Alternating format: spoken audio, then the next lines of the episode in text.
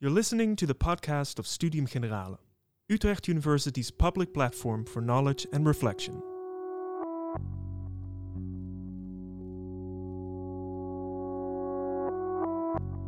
Private security officers, surveillance cameras, and armed transport. The global market for private security services has grown massively since the 9 11 attacks. How did this happen? Anthropologist Tessa Diphoorn talks about what it means when our security becomes a private matter. What are we going to talk about today? So, today, um, as Erwin just mentioned, um, I will focus on the impact of 9 11 on the price of security. And more specifically, I will look at the growth and expansion of the private security industry. And for about over a decade, I have researched various parts of this industry. Um, and as an anthropologist, perhaps not familiar with this term, but if you have questions, you can always ask me later. Um, I've conducted ethnographic fieldwork on private security officers. So the actual officers that provide particular security services, such as these three men that you can see on this photo. These are three security officers that I spent a lot of time with during my fieldwork in South Africa, which entailed that I accompanied them on their everyday patrols.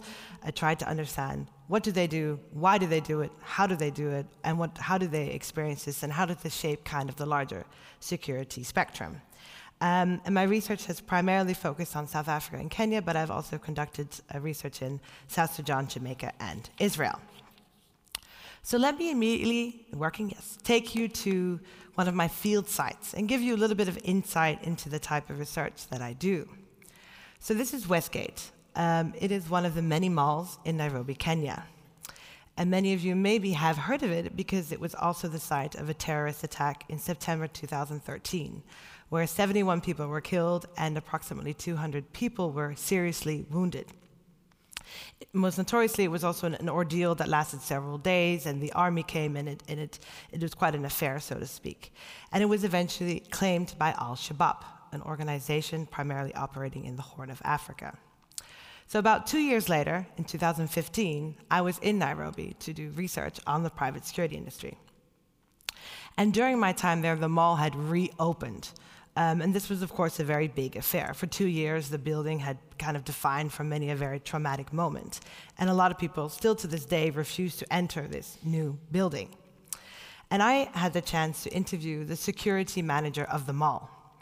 And he gave me a tour of the new mall and, and, was highlighting particularly all of the new things that they had implemented to ensure that a terrorist attack would not happen again. And he particularly focused on the new security equipment that they had installed. And we talked about his history, how he got involved in the industry, etc. And he then stated to me, after 9 11, security became something different.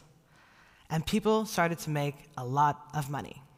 Now, this sentiment has been echoed by people working in the industry from across the globe um, during interviews that I've conducted in numerous different places, namely that 9 11 has resulted in the increasing commodification of security, which refers to the ways in which security is increasingly framed and treated as a product that can be sold for a particular price.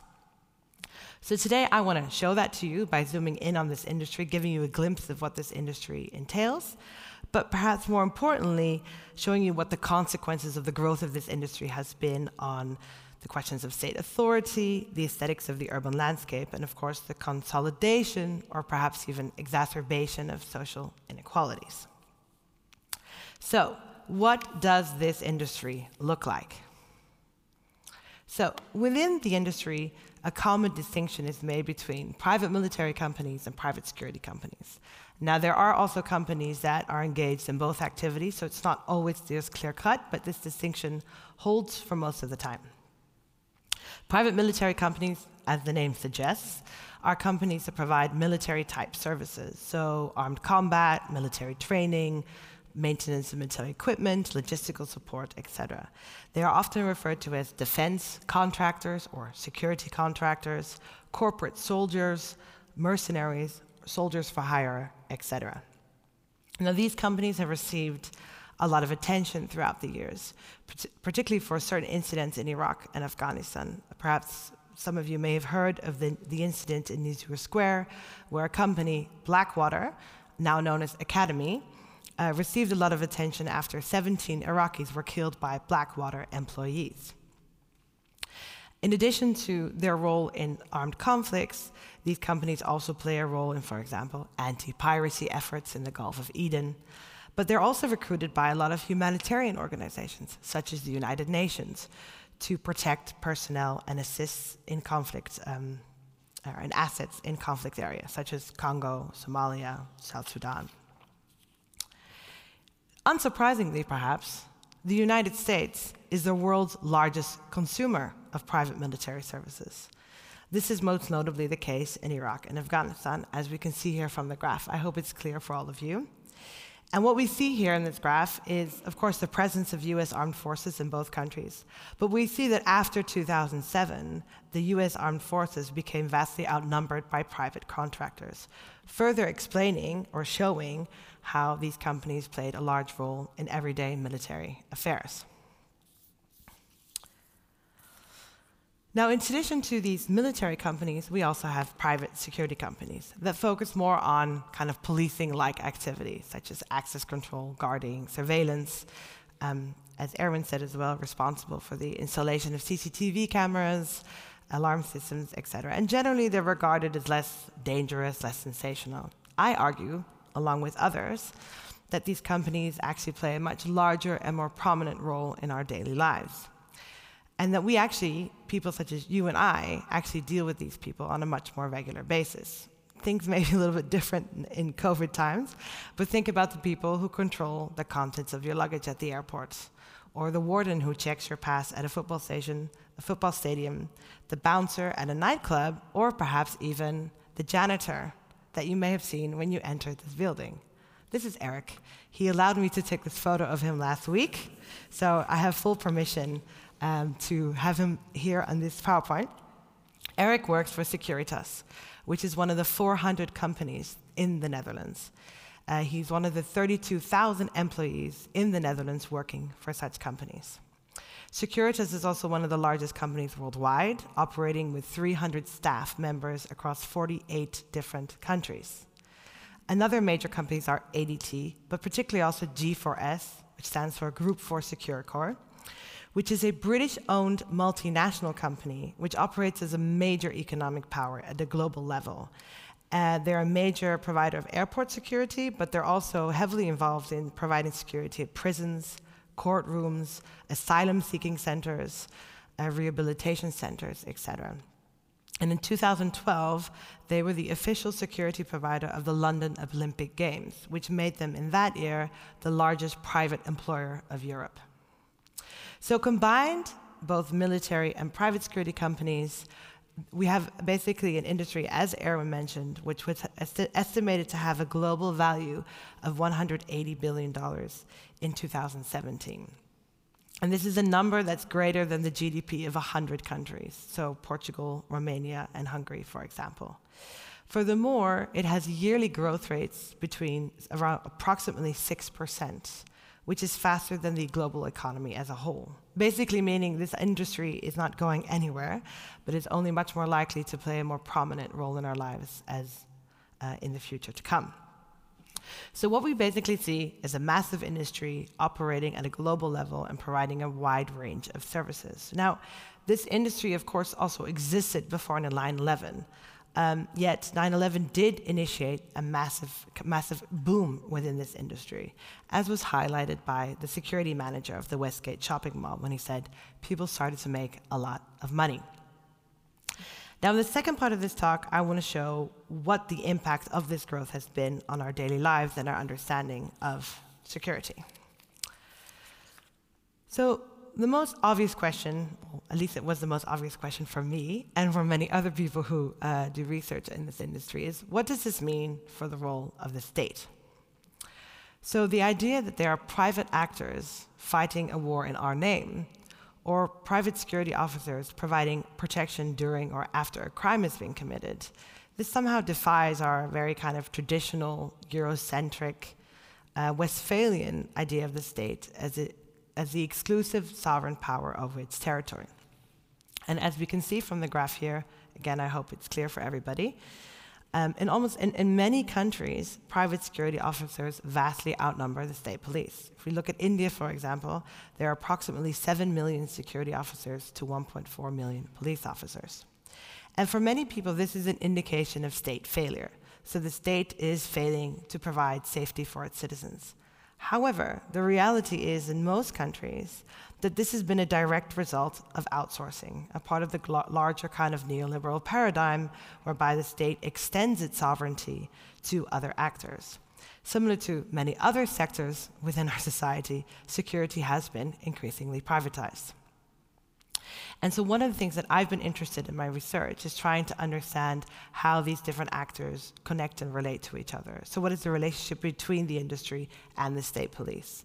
And this is the photo, uh, which is the photo, uh, one of my photos that I took in Nairobi. We see a local, uh, the vehicle of a local private security company, KK Security, which is posted at Loresho Police Post, which is a, a police station.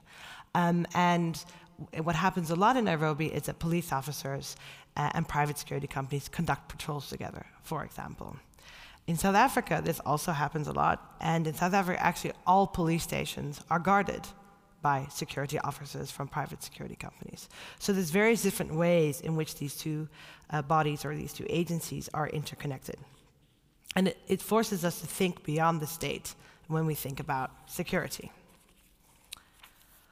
Now, one of the questions emerging from, from all these is, of course, what does this mean for responsibility and accountability?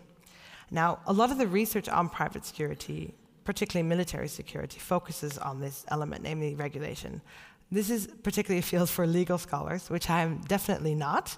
Uh, I want to make clear that that's not my expertise. I think my uh, esteemed colleague will, will be able to answer some questions about that if need be. But I do think it's important to mention that um, several countries, such as South Africa, have a, a legal regulatory um, authority that stipulates how these companies should operate.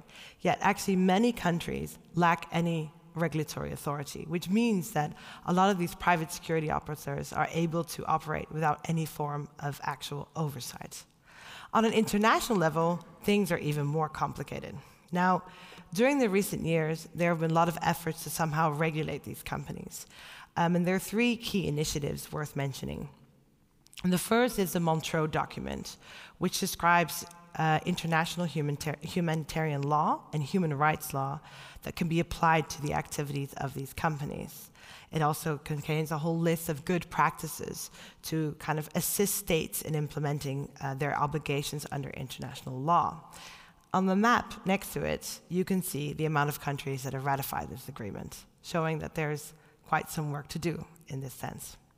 There's also the International Code of Conduct for Private Security Service Providers, which articulates kind of a set of standards uh, for these companies to ensure that they comply with human international humanitarian law. However, when preparing for this talk, I saw on the website that seven states and 100 companies have signed this code of conduct. Again, a lot more work left to do when it comes to regulation. Now, in addition to these questions of state authority, regulation, and oversight, one of the things that I've been more interested in my research is what is the impact of this commodification on broader social inequalities? Now, in an article by The Guardian from 2017, the industry was called the industry of inequality. Because the reality is that as a product, security is not affordable to everybody. In many parts of the world, private security is a luxury good reserved solely for the elite. And in other places, such as South Africa, an alarm system is a common household item for many middle class families, for example. Yet, nevertheless, there are always people who are unable to afford these services and are, as a result, forced to resort to other means for a sense of safety. And what you can see in many different urban centers across the globe is that different forms of protection or security are a reflection of social divides within a particular society. And this is often very physically visible. Um, take a look at some of these photos, the, the, the, drone photos. They've been taken by a photographer, Johnny Miller, who documented, who wanted to document social inequality through drone photographs, showing kind of how um, um, social inequalities can be reflected into the kind of the spatial segregation um, within cities. And the private security infrastructure plays a very prominent role in this picture here. So the high walls, the barbed wires, the enclosures, they reinforce existing social divides within urban communities. And this has been a topic that many anthropologists have looked into. These are two um, examples of books, Behind the Gates and City of Walls, which are beautiful ethnographies for those who are interested in this work, who basically show how citizens retreat into these residential enclaves and the impact this has on dismantling social relations and ties across various communities. What is also important to recognize is that such security infrastructure also very much shapes our experience of an, an urban, or doesn't have to be urban, primarily urban space, and our perceptions of fear. Because those walls are designed to protect some people, but they are also designed to keep others out. Um, and they're, they're those designed to keep those out that are considered to be dangerous. Now, this is a photo um, of a, a, sign that I took in South Africa, which was very common in many parts of the country, uh, basically saying, Be warned, criminals will not be tolerated, with a very punitive tone um, accompanying it, basically making clear that certain people are not welcome. And the framing of this dangerous criminal other has very much been shaped by 9 11. I think in our next seminar by Marieke de Goede in this series, we'll hear more about the ways in which people who are suspected of being a terrorist, most often Muslims, are treated. Now, in Kenya, due to the role of Al Shabaab as a primarily Somali based organization, the dangerous other is primarily the Somali looking man. Um, and there's a lot of research that's documented the way in which these men have been targeted. Um, in South Africa, despite the efforts that have been implemented to undo the legacies of apartheid, in my research, I, I, I, identified how the dangerous criminal other was almost always the poor young black man. Um, so, what, uh, to, get, to illustrate it, this, um, when I went on patrols with private security officers, we would regularly get calls in about suspicious Bravo Mikes. Now, private security officers use phonetic alphabet uh, when communicating with each other. So, the Bravo Mike refers to black males. And they would often be called in to come and see what a black man who was walking down the street or was basically in a space that he presumably wasn't supposed to be, and therefore incited suspicion. Unsurprisingly, during my fieldwork, I never once encountered an incident where someone called in for a suspicious whiskey Mike or a suspicious white male. And in an article that you can see here, I coined this the Bravo Mike syndrome. And I show how racial and ethnic profiling is also very much a part of the private security culture.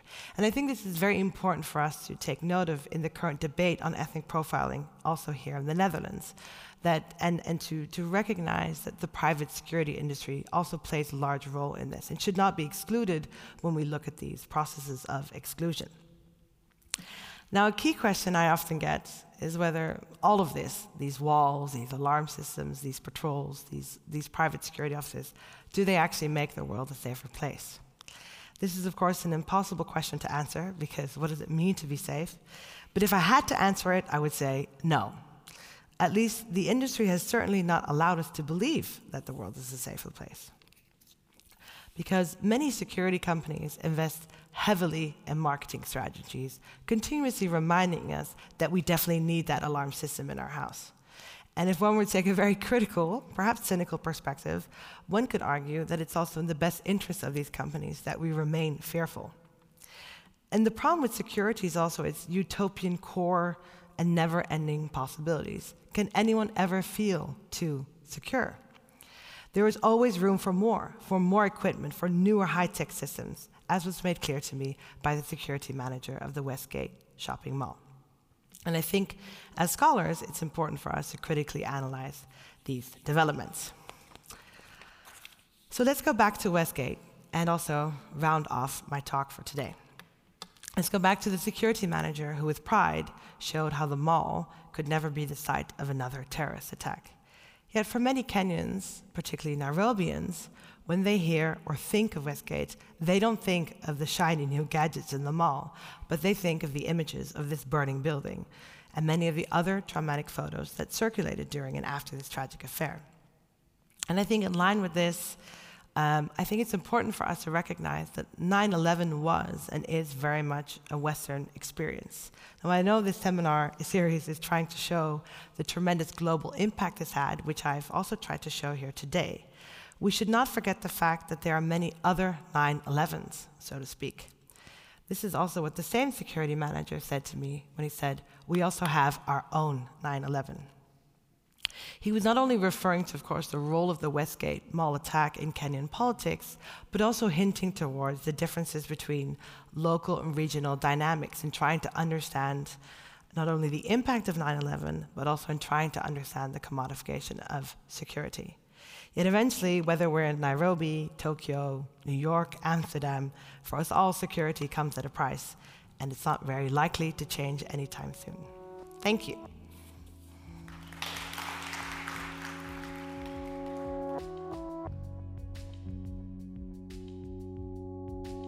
You've listened to the Studium Generale podcast. Do you want to hear more episodes? Go to sg.uu.nl slash podcast or subscribe to Studium Generale on your favorite platform.